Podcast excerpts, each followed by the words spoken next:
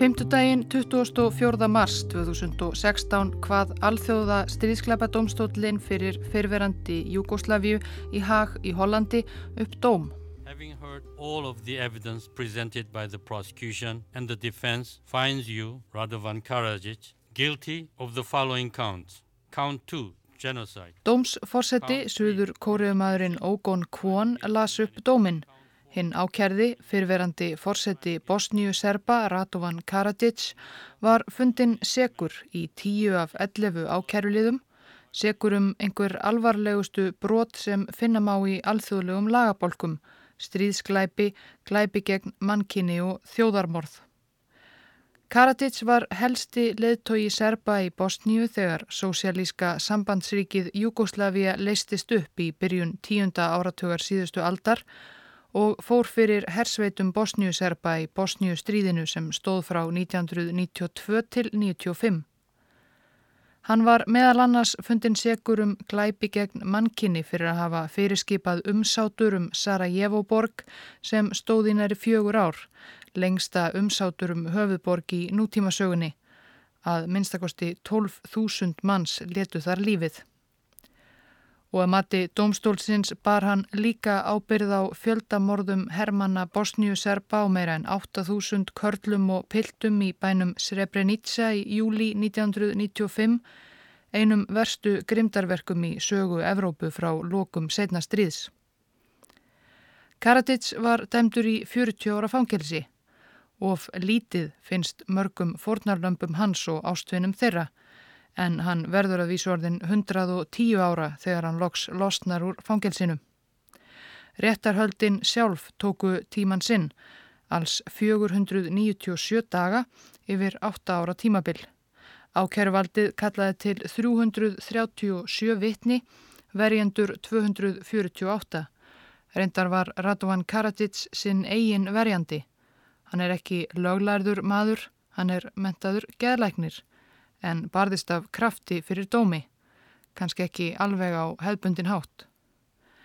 Bandaríski sagfræðingurinn Robert J. Donja hefur skrifað æfisögu Karadits og var jáframt kallaður sem sérfræðivittni fyrir stríðskapadómstólinn þar sem hann komst í návíi við mannin sjálfan. Nöyt þess greinilega að vera komin aftur í sviðsljósið eftir hálfan annan áratu á flótta. Frekar en að verja sig gegn ákjörunum eitti hann tíma sínum í réttarsal til að færa sína eigin sögulegu ímynd og síndi enga yðrun vegna gjörða sinna.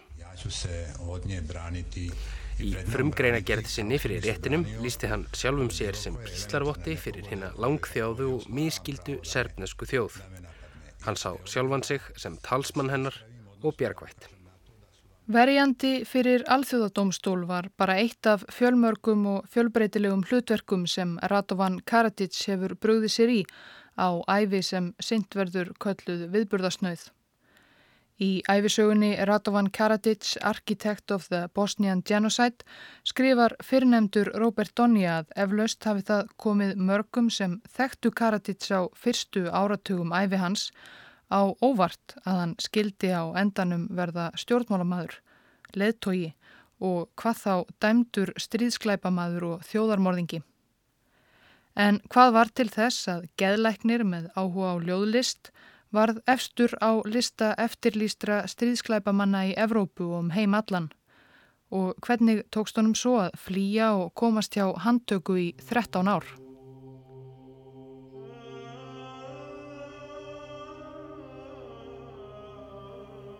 Svartfjallaland ber nafn með rendu, hvert sem litið er blasa við þverrnýftir og árænilegir fjallatindar og milli þeirra djúpir dalir og gljúfur.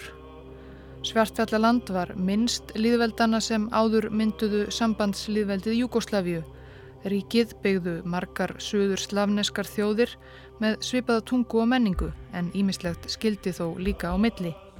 Flestar þjóðirnar áttu sitt eigið líðveldi í sambandsríkinu Jugosláfiu, það var Serbia, Kroatia og svo framvegis, en byggjusöðu þetta líka hver innan um aðra. Í svartfjallalandi byggu til að mynda svartfellingar en líka fjöldi annar ár öðrum þjóðarbrótum og sérilagi margir serpar. Serbar í henni eiginlegu Serbíu hafa lengi litið niður á svartfelska bræður sína sem þeir álýta afkáralega sveitamenn eða vilda fjallabúa. Serbarnir í svartfjallalandi líta hins vegar sjálfur stórt á sig og álýta sér jafnan öðrum serbum fremri, kjarkmeiri, duglegri og skáldmæltari. Piltur sem fikk nafnið Radovan Karadzic fættist í júni 1945 serbneskum foreldrum í þorpinu Petnitsja í norðanverðu Svartfjallalandi. Petnitsja svipar til ótal annara svartfelskra sveitaþorpa, lítil yfirleitislaus húsaþyrping í botni skójivaksins dals. Fadir Piltsins, Vuko Karadzic, var skósmiður. Móðurinn Jóvanka var 12 árum yngri en einmaður hennar, sveitastúlka sem hann hafði sótt í nálægt en minna þorp. Hún hafði aldrei gengið í skóla en skorti þó ekki dugnað eða röksemi. Fyrsta barn þeirra, hann Radovan Littli, leitt dagsinsljós við lok heimsterjaldar sem Júgoslavia hafði ekki sloppið við fremur en flest önnur lönd Evrópu. Þjóðverjar höfðu lagt Júgoslavíu undir sig í april 1941, leist upp konungsríkið sem þá var við líði og stopnað þessi stað nokkur fasísk leppríki sem fljótt gáttu sér orð fyrir grimdarverk gegn íbúum. Fleiri en ein ansbyrnurheyfing spratt upp til að berjast gegn fasistum, bæði kommunistar undir stjórn Marskálksins Títós og konungsinnar fylking þjóðerni sinnaðra serpa sem yfirleitt voru kallaðir tjetnikar og svo fór auðvitað fylkingarnar börðust einnig innbyrðis. Vugo Karadzic, fadir Radovans, barðist með sveitum tjetnika en ekkert bendir til þess að hann hefði verið málstað þeirra sérlega hollur. Þegar partísanar kommunista lögðu síðar þorpið hans Petnitsa undir sig gegst hann umsvegulegst þeim á hönd og fór að sauma skó á skærulega Títós. Það dögðu þó ekki nema skamt. Þegar Tító og hans menn stóðu loks uppi sem sigurvegarar í lokstriðsins var Vugo Karadzic meðal ótal serpa sem voru fangjálsaðir af yfirvöldum fyrir að hafa starfað með setningum. Hann satt inn í fimm ár. Fyrstu bernsku árunum eitti Radovan litli því mestmægnis með móður sinni. Afar kært var millir þeirra meðgina og Jóvanka stutti són sinn diggilega allt þar til hún gafi böndina 2005, 83 ára gömul. Radovan var greindur og bráðger drengur og skaraði fram úr í skóla. Þegar hann var 11 ára flutti fjölskyldan niður úr fjöllunum og á mölina til næst stæstu borgar Svartfjallaland, Niksits. En jáfnvel hún sem var stórborg miða við örlittla fjallathorpi þar sem Radovan fættist varð fljótt of lítil fyrir þennan metnaðargerna sveitapilt. Árið 1960 lauk Radovan Karadits miðskólanámi 15 ára og flutti þá einn síns liðs meira en 300 km norðaustur til Sarajevo, höfuborgar sambandsliðveldisins Bosníu-Herzegovinu. Þar hófa námi læknisfræði fyrst undibúningsnámi í mentaskóla og svo við háskóla borgarinnar.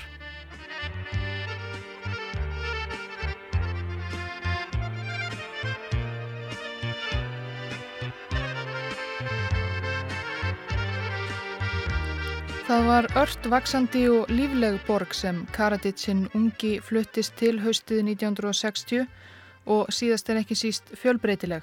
Bosnia var eina sambandslýðveldi Júgoslaviu sem ekki hétt eftir einu einstöku þjóðarbroti og engin ein þjóð var þar í algjörum meirihluta. Í Sarajevo, jamt sem Bosníu allri, byggu Bosníu-múslimar, serbar, króatar, gýðingar, rómafólk og svo þeir sem alfarið höfnuðu þessum úreldu skilgreiningum og kölluðu sig bara Júgoslava. Í gamla bænum stóðu kirkjur, moskur og sínagókur nánast á sama hotni en hinn dæmigerði Sarajevo búi á þessum tíma hafði meiri áhuga á að sækja einhver af fjölmörgum kaffihúsum borgarinnar en trúastofnarnir. Þarna í þessu fjölmenningalega andrumslofti blómstræði Radovan Karadzic. Læknanemar eins og hann voru almennt ekki hátt skrifaðir meðal mestu bóhemana í hugvísindadeildum háskólans í Sarajevo Þeir þóttu stífir og íhaldsamir og leiðinleir en Karadits kom á óvart með því að hella sér út í menningar og stúdentalífið af fullum krafti. Hann tók þátt í stúdentamótmælum sumarið 68 Þar mótmælti unga fólkið ekki beint aðstu stjórn Júgoslavíu heldur fremur að skrifræði segir í stjórnkerfinu stæðu í vegi fyrir því að sannur sósialismi gæti blómstrað og það sem meira var allt í einu var Radovan farin að yrkja. Á námsárunum gaf hann nefnilega út tvær ljóðabækur. Brjálaða spjótið kom út árið 1968 þegar skáldið var 23 ára gamalt og vann til bókmentaverluna og svo frá ómunatíð sem kom út þremur árum síðar. Æfisögurittari Karadits Robert Donja skrifar að ljóð hins unga Karadits beri vottum frjótt en myrt ímyndunarafl. Hann hafi verið óheðbundin bæði í stíl og efnistökum með að við samtíma menn sína, ljóð hans óhefluð og torræð, oft ofbeldisfull, um dularfulla fyrirbóða og magnaðan eðleggingarmátt.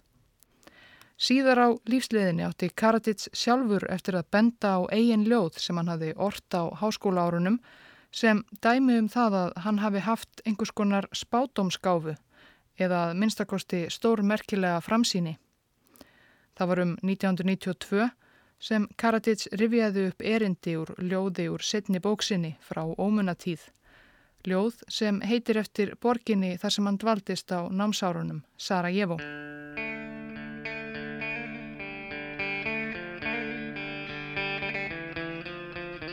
Borgin brennur eins og reykjelsi, upp með reiknum liðast meðvitund okkar. Um borgina ráfa hól jakkafutt, blóðröðar steinleðslur húsana, pláa. Kyrð, vopnaðar aspir sækja fram til heimins. Óvinnurinn rennur í æðum okkar. Einastundina eru við menn, þá næstu loft. 21 ári eftir að þetta var skrifað átti Sarajevo sannarlega eftir að brenna. En það voru engar vopnaðar aspir sem áttu sög á því, heldur harðsvíraðar hersveitir Karadits sjálfs sem sátu þá um borgina.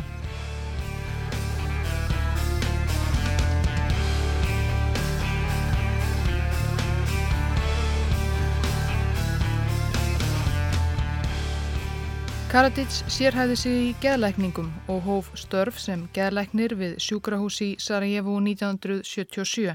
Síðar fekk hann sér svo eigin stofu og mun rekstur hennar hafa gengið ágætlega. Á áttunda áratögnum var hann líka sérstakur ráðgjafi fótbolltaliðsins FK Sarajevo í geðhelsumálum og síðar gengdi hann sama hlutverki fyrir annað lið í annari borg, hérna frægu Rauðu stjörnu í Belgrad. Leikmenn FK Sarajevo mundu vel eftir geðleikninum Karadits þegar bladamenn spurðu þá út í hann löngu síðar. Hann hafði haft nokkuð óvenjulegar aðferðir, fannst þeim. Til að reyna að fylla fótboltamennina Sigur Vilja hafði hann meðal annars látið þá liggja reyfingarlausa í myrkvuðu herbergi og ímynda sér að þeir væru hunángsflugur sem sveimuðu millir blómana.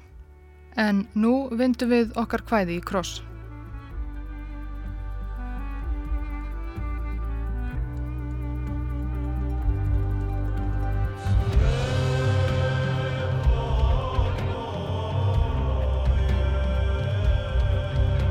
Maðurinn í dýragættinni var nokkuð óvenjulegur að sjá. Hávaksinn eldri maður, svartklættur frá kvirli til Ilja í síðum frakka og hann var með þygt og strít kvít allskegg og eins og kom í ljós þegar hann lifti svörtum barðahattinum með sítt kvít hár sem bundið var í hnút á kvirlinum að hætti japanskra stríðsmanna. Maðurinn spurði kurteislega eftir húsráðanda herra profesor Mína Mínic. Það var eiginkona herra profesorsinn sem kom til dyra og var nokkuð kvumsa þegar svartklætti gesturinn buktaði sig, kisti hönd hennar og rétti henni svo blómvönd. Þetta var í Belgrad, höfuborg sjálfstæðirar Serbíu árið 2005. Aðkomumadurinn sem kynnti sig sem Dragan Dabic var þó ekki kominn til að falast eftir frú Mínic heldur vildi hann komast í læri til herra profesors Mína Mínits, nema við fótskör meistarans eins og hann orðaði það sjálfur.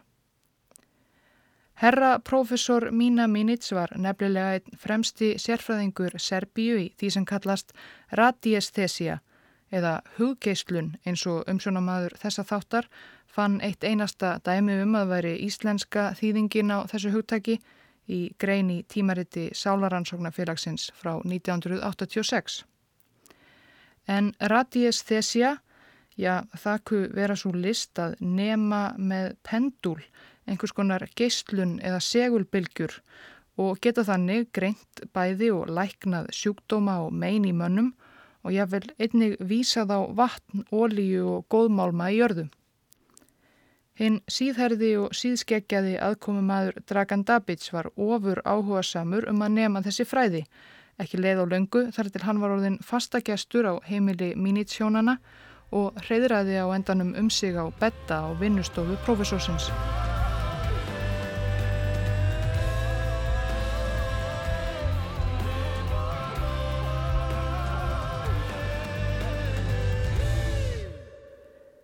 Það fór ágætlega á með Mínitsjónunum og Dragan Dabic en gestur þeirra gaf ekki upp mikið um fortíð sína.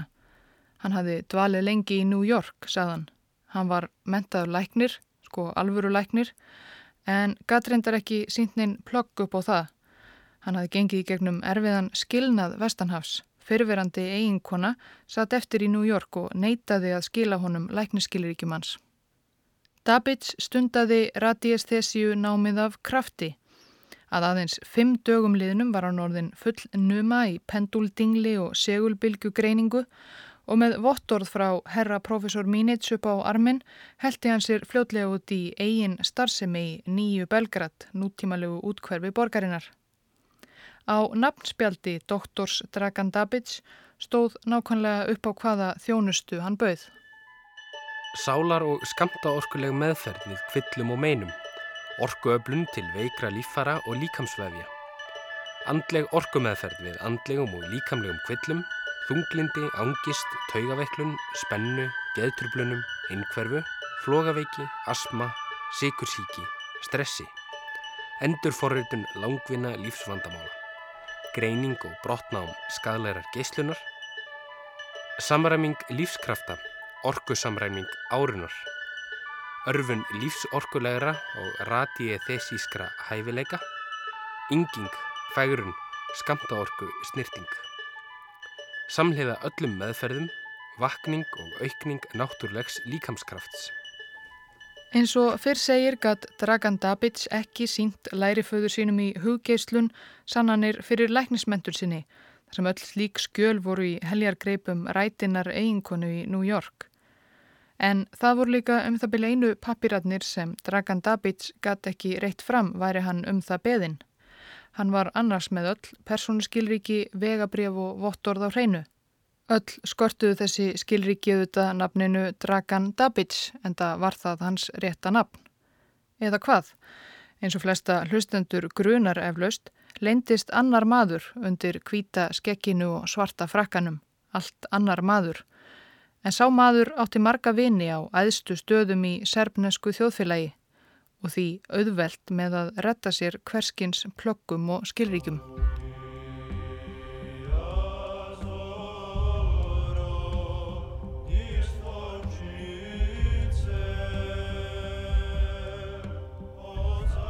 Sósialíska sambandslýðveldið Júgoslavia byrjaði að leysast upp undir lok nýjunda áratugar síðustu aldar.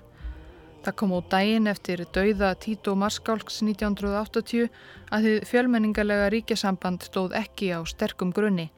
Á síðustu æfi árum Marskálksins hafði Júgoslavia byrjað að færast í átt til aukinar sjálfstjórnar sambandsríkjana. Eftir dauða hans helt svo þróun áfram en misklíð milli þjóða Júgoslaviu færðist líka í aukana og óprútnir stjórnmálamenn byrjuðu að notfæra sér vaksandi þjóðernis æsing til að óta sínum tóta. Þeirra á meðal var slóbútan nokkur Milosevic sem varð fórseti sambandsríkisins Serbíu árið 1989. Hann barðist fyrir því að endurhengta það sem hann sagði vera réttmætt yfiráð Serba í Júkoslavíu og hikaði ekki við að beita fyrir sig þjóðverðniskendi í þeim slag. Það var Milosevic sem slefti snáknum lausum eins og stjórnmálafræðingurinn Leonard Cohen, það er allt annar maður en tónlistamæðurinn, orðar það í bóksinni um æfi Milosevic. Snákurinn er þá hinn heita þjóðurniskendi brjóstum margara serpa sem hafði leið í dvala á tímum Títós en hafði áður tekið á sig hættulegar myndir og átti eftir að gera það á nýjanleik.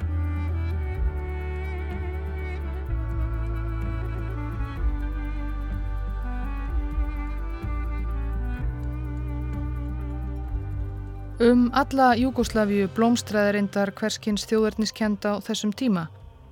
Uppspruttu ótal hópar og fylkingar um málefni hvers þjóðarnis, hópar og fylkingar sem vildu aukna sjálfstjórn eða jafnvel kljúfa Júgoslavíu niður í fjölda minni þjóðríkja. Það var eitthvað í loftinu. Margir Júgoslavar byrjuðu nú í fyrsta sinn að skipta sér af pólitík. Þar á meðal var geðleiknirinn Radovan Karadzic í Sarajevo. Hann var dálitið leitandi í fyrstu, fyrst gekk hann til liðs við flokk græningja um stundarsakir, en svo tók hann þátt í eins konar umræðuhópi menningar sem og þjóðurinnisinnaðara Serba í Sarajevo. Þessi hópur var svo grunnurinn að serbneska líðræðisfloknum sem var stopnaður í júli 1990. Flokkurinn hafði það markmiði að tryggja hagsmunni Serba í Bosníu Aðrar þjóðir Bosníu höfðum sviparleiti stopnað svipaða flokka um eigin hagsmunni. Radovan Karadzic var einn helsti kvatamaður að stopnun serbneska líðræðisflokksins. Hann hafði aldeilis fundið sig í pólitíkinni. Þetta voru umbróta tímar. Kommunismin riðaði til fals og líðræðið var að riðja sér til rúms.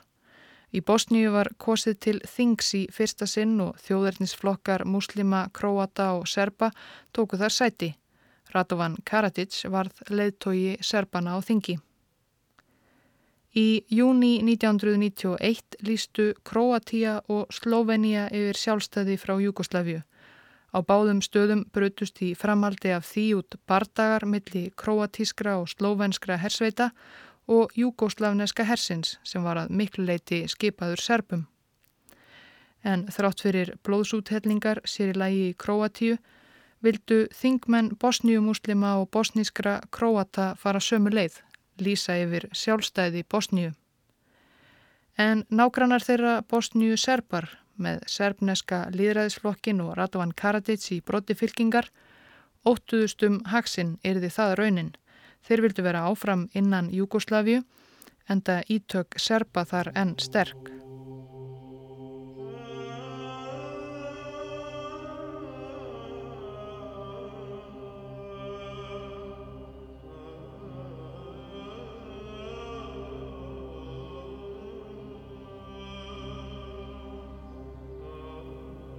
Þeir sem þekktu Karadzic og æfisögurittarinn Robert Donja ræðir við í bóksinni segja allir að hann hafi á þessum tíma við upp af tíunda áratögarins alls ekki virst vera neitt sérlega herskár þjóðirni sinni og hvað þá kynþáttahattari. Jújú, hann hafi borið hag þjóðarsinnar fyrir brjósti, haft áhuga á serbneskum menningararfi og svoleiðis. Jújú, sem ungur maður hafði hann skrifað dimm og torskilinn ljóð, en að hann væri maður sem ætti eftir að enda fyrir rétti í hag sakaður um þjóðarmorð á nákvæmum sínum, já því hefðu fáir trúað árið 1990. En Radovan Karadzic var að taka breytingum, örum breytingum, ekki fyrsta sinn og ekki það síðasta. Bosníumúslimatnir stóðu fastir á sínu. Þeir vildu fara sömu leið og króatar og slóvenar. Eftir því sem deilutnar um mögulegt sjálfstæði Bosníu við múslima dróðust á langin og möguleikin á sáttum virtist verða æ fjarlægari, varð Radovan Karadzic reyðari, reyðari og reyðari. Ræður hans og ummæli, ofinber sem óofinber, urðu sömuleiðis herskári og ofbeldisfyllri.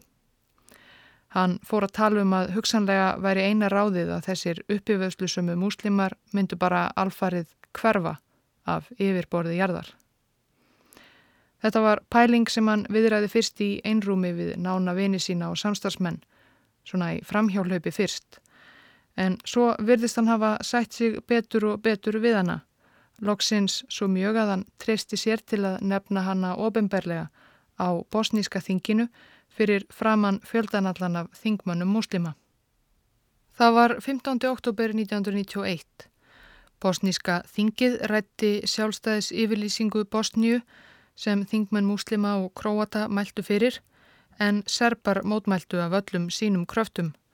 Þingfundur hafi hafist í morgunsári þann 14. oktober en staðið óslitið allan daginn og allt kvöldið. Það var komið fram yfir miðnætti þegar formaður stærsta flokks Bosníu-Serba, Radovan Karadzic, stegi í pontu. Hún var heitti hamsi. Hann benti á fordæmi Kroatíu og Sloveníu sem líka hafðu líst yfir sjálfstæði. Þar hafði blóðið fengið að renna. Það var barist og fólk dó. Er það þetta sem þið viljið? Þingræðan var laung og hann varð reyðari og reyðari.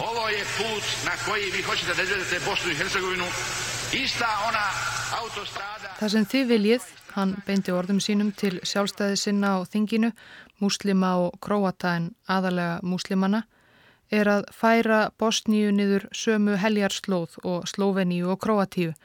Hann barði fingrunum á ræðupúltið til að undistrykka málseitt. Haldið ekki að þetta endi í helviti og kannski að þjóð múslima í Bosníu eigi eftir að hverfa því þeir mun ekki geta varið sér.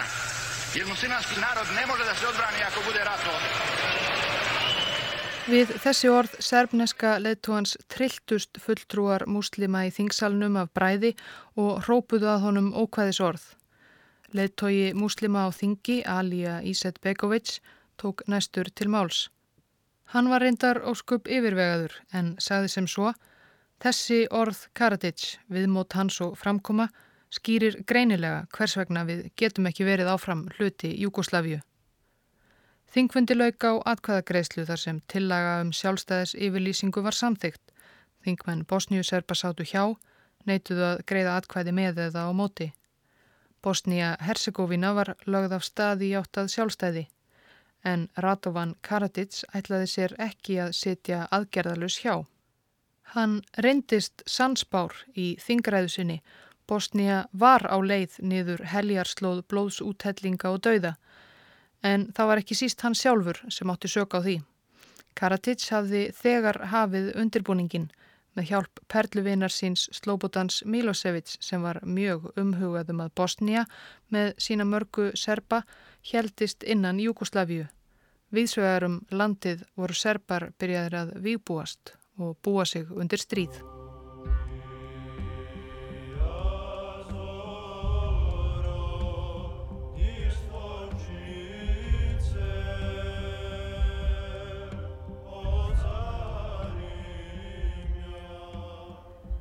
Og styrjöld braust út skömmu eftir að Bosnija lísti formlega yfir sjálfstæði vorið 1992. Ekki gefst tími til að rekja gang stríðsins hér en það varð fljótt flestum í alþjóða samfélaginu ljóst að styrjöldin var sérlega blóðug og grimmileg. Stríðandi fylkingar výluði ekki fyrir sér að fremja svíverðileg óhæfuverk sem nöðsynlegt yrði að rannsaka og refsa fyrir í fyllingu tímans. Bæði króatar og múslimar voru sekir um stríðsklæpi en engum gatt samt blandast hugur um að serpar undir fórustu Karadits og hersöðingjans Radko Mladic gengu lang harðast fram. Alþjóðlegi stríðskleipadómstólinn fyrir fyrirverandi Júkoslavíu var því stopnaður með álegtun Öryggisráðs saminuðu þjóðana nr. 827 þann 25. mæ 1993 þegar stríði stóð enn sem hæst. Rúmum tveimur árum síðar, þann 24. júli 1995, ákerði domstólinn Radovan Karadzic fyrir stríðskleipi. Um tveimur vikum fyrr höfðu hersveitir Bosníu-Serba haldið inn í bæin Srebrenica í austanverðir Bosníu, skamt frá landamærum Serbíu. Bærin var þá á verndarsvæði saminuðu þjóðana. En það reyndist lítil huggun fyrir bæjarbúa. Á næstu þremur dögum gáttu herrmennir næsta óáreittir tekið af lífi mörg þúsund bosníska muslima, mestmerknis Karla og Drengi að minnstakosti 8.732 vinna við að grafa upp fjöldagrafir og bera kennsla á líkamsleifar hefur staðið óslitið frá 1995 enn er næri 2000 fornarlampa saknað. Sankvann dómi alþjóða stríðskleipadómstólsins í Haag nú nýverið voru fjöldamorðin í Srebrenica ekkert annað en þjóðarmorð og Karadzic segur um að hafa fyrirskipað ótaðisverkin. Þjóð bosnjumúslima átti að hverfa, það saði hann sjálfur. Þrátt fyrir ákæruna gaf Karadzic sig ekki fram, ekki frekar en flestir aðrir sem fengu á sig ákærur frá alþjóðlega stríðskleipadómstólunum um þetta leiti. Karadzic hafði enda litla ástæðu til að óttast. Í áslokk 1995 rituðu forsetar Bosníu, Kroatíu og Serbíu undir fríðarsamninga kenda við borgina Dayton í Ohio sem bundu formlegan enda á Bosníu stríðið. Það hafði þá staðið í vel á fjörða ár og dreyið um 100.000 manns til dauða. Yfir menn Allandsafsbandalagsins sem tók við fríðargæslu höfðu þó í raun lítinn áhuga á að eldast við handtökuskipanir alþjóðadómstólsins. Þeir óttuðust að það að handtaka menn eins og Karadzic sem margir bosníu-serbar dyrkuðu enn og dáðu geti ógnað viðkvæmum fríðarsamningnum og gert fríðargæsluliðunum erfitt fyrir. Þetta skinnjaði Karadzic þó að stríðinu liki og hann misti stöðu sína sem leðtói bosníu-serba bendi lítið til þess að hann ótaðist handtöku. Fyrstum sinn virtist hann reyndar hafa sérstatt indi af því að vekja aðtikli á fríðhelginni sem hann virti snjóta. Hann dvaldi mikið í Pale, einu höfuð við í Bosniuserba suðaustur af Sarajevo og þar gata hann farið al frjáls ferðasina. Á og til mátti ég vel sjá leðtóan fyrirverandi sitja í kirstæðum bíl fyrir utan höfuðstöðvar laurugluliðs saminuðu þjóðana í borginni, líklega til þess eins að augra lauruglumönnunum innandira. Það var ekki fyrir en upp úr 1997 sem þetta fór að breytast og stjórnvöld á Vesturlöndum virtust fá raunverulegan áhuga á því að hafa hendur í hári hins hárprúða Ratovans Karadits. En þá var hann farin í felur. Næstu árin ferðaðist Karadits á milli afskektra munkaklaustra og réttrúnaðar kirkna á landamærum Bosníu, Serbíu og Svartfjallalands. Þar í fjöllunum átti hann næga bandamenn meðal heittrúaðra og þjóðrækina serpa sem álitu hann þjóðhetju og alltaf því dýrling. Sömuleiðis er nær útilokað annað en að hann hafi allan tíman notið Diggs stuðnings gamalla bandamenna sem enn voru í áhrifastöðum í Serbíu og gatt þannig haldið sér undan þó hans væri ákaft leitað af CIA og MI6 og úrvalsveitum bandarískra og breska hersins. Bandaríkjaher gerði ímislegt til að reyna að hafa hendur í hári Karadits á þessum tíma. Það voru vissulega grunnsemdur um að hann heldi sig einhver staðar í afskektu fjallendi Bosníu og Serbíu. Einu sinni átti Delta Force sérsveit að reyna að sitja fyrir honum á vegi sem grunur leka á að hann æki reglulega eftir með líförðum sínum. En hvernig ætti að ná aðtikli lífarðana til að fá þá til að stöðva bílinn? Ákveði var að einn sérsveitamæðurinn skildi klæðast kaflóðnum górilubúning. Það hliti að vekja eftirtækt en það górilur sjálft séðar í fjallendi Balkanskagans. En sérsveitamæðurinn fekk að sveitna lengi í górilubúningnum því Karadits let aldrei sjá sig. Allan þann tíma sem hann var í felum í fjöllunum var Karadits enguað síður í reglulegu sambandi við eiginkonu sína Liljönu. Árið 2005 byrtust í fjölmiðlum bref sem Karadits hafði sendt einkonni sinni úr fjölum og friðargæsluleðar NATO síðan lagt halda á í húsleit á heimili hennar. Í brefunum passar Karadits sig á að minnast aldrei á það opinskátt hvar hann heldur til eða við hverja hann er í sambandi. En greinilegt er að Liliana hefur að minnstakosti geta komið til hans pökkum og hann saknar hennar ákaft. Minningarnar eru mitt skjól og griðland og þar dvel ég sífælt oftar og lengur og lengur í senn. Ég elska þig, ástinn mín, kissi þig í huga mínum og held þér lengi í fanginu. Takk fyrir gafinnar. Fötin eru lítil og stuttermabólirnir eru alltaf því tveimur stærðum of litlir, svo ekki senda fleiri. Litiði skýrtunar eru í lægi. Verandi ekstra, ekstra larts er þeir kannski í starra lægi, en það er bara gott. Mér finnst ég mjög elegant í þeim. Ég líka komið nóg af sokkum í byli. Ástarbref voru ekki það eina sem Karadits fegst við í felum. Lóksins hafði hann tíma til að helga sig réttstörfum á nýjanleik og flakki milli fjallaklaustra skrifaði hann meðal annars tværskáldsögur, gaman leikrit og ljóðabók ætlaða börnum. Öll þessi verk voru gefin út í Serbju og seldust vel. En þrátt fyrir að hafa nóga sísla leittist Karadits einhvað síður lífið í felum. Hann saknaði borgarlífsins að vera meðal fólks og að vera einhver. Einhver tímanum 2003 fór Karadits sem ættíð hafi verið stór og sterkbyggður í stífa megrun.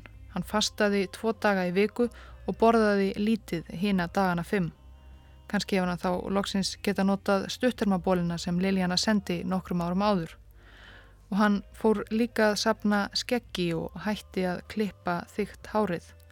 Og smátt og smátt umbreytist Radovan Karadits enn eina ferðina.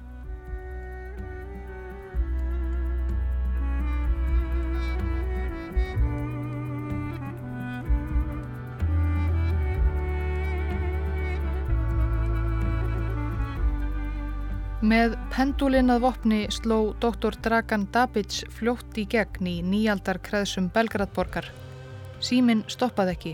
Fólk keftist um plásjá heilarannum kvítskegjaða í skamta orkulegri meðferð við ímsum kvillum, já eða til að láta samræma árurnar sínar, endur forrita lífsvandamál eða örfa radísthesíska hæfileika. Það vakti reyndar aðtikli einhverja að Dragan Dabic var yðurlega með fleiri en einn farsíma á sér. En það var kannski bara vegna þess hversu ofsalega upptekinn og eftirsóttur hann var. Hann kom sér upp heimasíðu scihelpenergy.com. Hann mætti vel á ráðstefnur um óheðbundnar lækningar og ímis nýjaldarmál, helt jáfnvel sjálfur fyrirlestra. Hann fór að skrifa greinar í tímaritanafni heilnæmt lífverðni um allt frá huggeislun til heilsusamlegs mataræðis, austrætna lækningajurta og hugleðslu. Hann var vel liðin í hverfinu sínu í nýju Belgrad. Börnin í nágrenninu kölluð hann Jólasveinin vegna skeggsins. Hann egnaðist kærustu, konu að nafni Mílefu Tísak sem fjölmiðlar bentu síðar á að svipaði mjög til Liljönu Karadits. Hann var líka fastagestur á hverfisknæpunni sem nefndist Vittleysingahælið. Svo vildi til að þá knæpu sóttu emitt helst stoltir serbar það er þjóðarnisinnar. Vegginnir voru þaktir fánum, plakkutum og öðrum munum af því tæinu. Þar á meðal stórar og hetulegar myndir af tveimur flótamönnum úr Bosníustríðinu, Ratko Mladic og Radovan Karadits. Þarna satt doktor Dragan Dabic á síðkvöldum, hlustaði á skerandi tóna serbnesku fiðlunar gúsle og greip jafnvel stundum sjálfur í hljóðfærið millir þess sem hann teigaði Slífovits plómubrandi. Á meðan gnæfiði yfir honum og öðrum bargestum mynd af honum sjálfum því auðvitað var hinn kvítskeggjaði doktor Dragan Dabic engin annar en sjálfur Radovan Karadžić. Það er nær útilokað annað en að Karadits hafi notið aðstóðar vina sinna við að búa til personuna Dragan Dabic. Hann hafði vegabref og önnur skjöl með því nafni. Líklegt er að leini þjónusta Serbíu, BEA, hafi hjálpað honum að komast yfir slíka papýra. Líklegt er líka að leini þjónustan hafi þakkað niður allar grunnsemdir sem vöknuðu um að þessi doktor Dragan Dabic væri kannski ekki allur þar sem hann væri séður. Án Eva hefur hópur manna haft fulla vittnesku um að eftirlýstasti stríðsklæpamaður Evrópu væri dinglandi pendul í útkverfi Belgrad. Enda var það ekki fyrir ný ríkistjórn tók við í Serbíu sumari 2008 sem reyfing komst á Mál Karadits. Ríkistjórnin undir fórustu Boris Tadic leitt til vesturs og vildi færa sig í áttað Evrópusambands aðild en til þess að það væri til umræðu yrði að færa alþjóðadómstólum þá flóttamenn sem enn voru eftir. Eitt af fyrstu verkum stjórnar Tatits var að skipta um yfirmann serbnesku leinithjónustunar BEA og með nýjan mann við stjórnvölinn þar var skindilega leikurinn að hafa upp á Radovan Karadits. Það tók raunar bara fjóra daga. Kvöldið 18. júli 2008 stöðvaði lauruglubíl ferð strætunumir 73 sem var á leið frá Nýju Belgrad í norð-vestur lengra út í útkverfi borgarinnar. Fjórir óenkinnisklættir lauruglumenn stígu um borði í vagnin. Þeir þótust vera eftirlitsmenn og kröfðu farþega um miða. Í miðjum vagninum satt eldri maður um sextugt með mikið kvít skegg og kvít hár undir barðastórum stráhatti. Lett klættur í sumarhittanum með nokkra fulla innkaupapoka meðferðis. Hann var að grafa hendin í buksnavassan í leitað strætómiða þegar einn lauruglumannana greip í hann. Dóttor Karadits, spurði hann. Ég heiti Dragan Dabic, svaraði skekkjaði maðurinn. Nei, þú ert Radovan Karadits, sagði lauruglumadurinn. Þá hvesti gamle maðurinn sig. Vita yfirmenn þínir hvað þú ert að gera, spurði hann. Já, þeir hafa fulla vittneski um það, svaraði lauruglumadurinn. Og þá fyrst gafst Radovan Karadits upp og var handtekinn eftir 13 ár á flóta. Og nú er sögunni sem hófst í litla fjallathorpinu í Svartfjallalandi loksins lokið fyrir stríðskleipa domstól í Hollandi eftir að hafa leið meðal annars um læknisfræði deild háskólans í Sarajevo, blóðvellina í Bosníu og heilarastofu í Belgrad.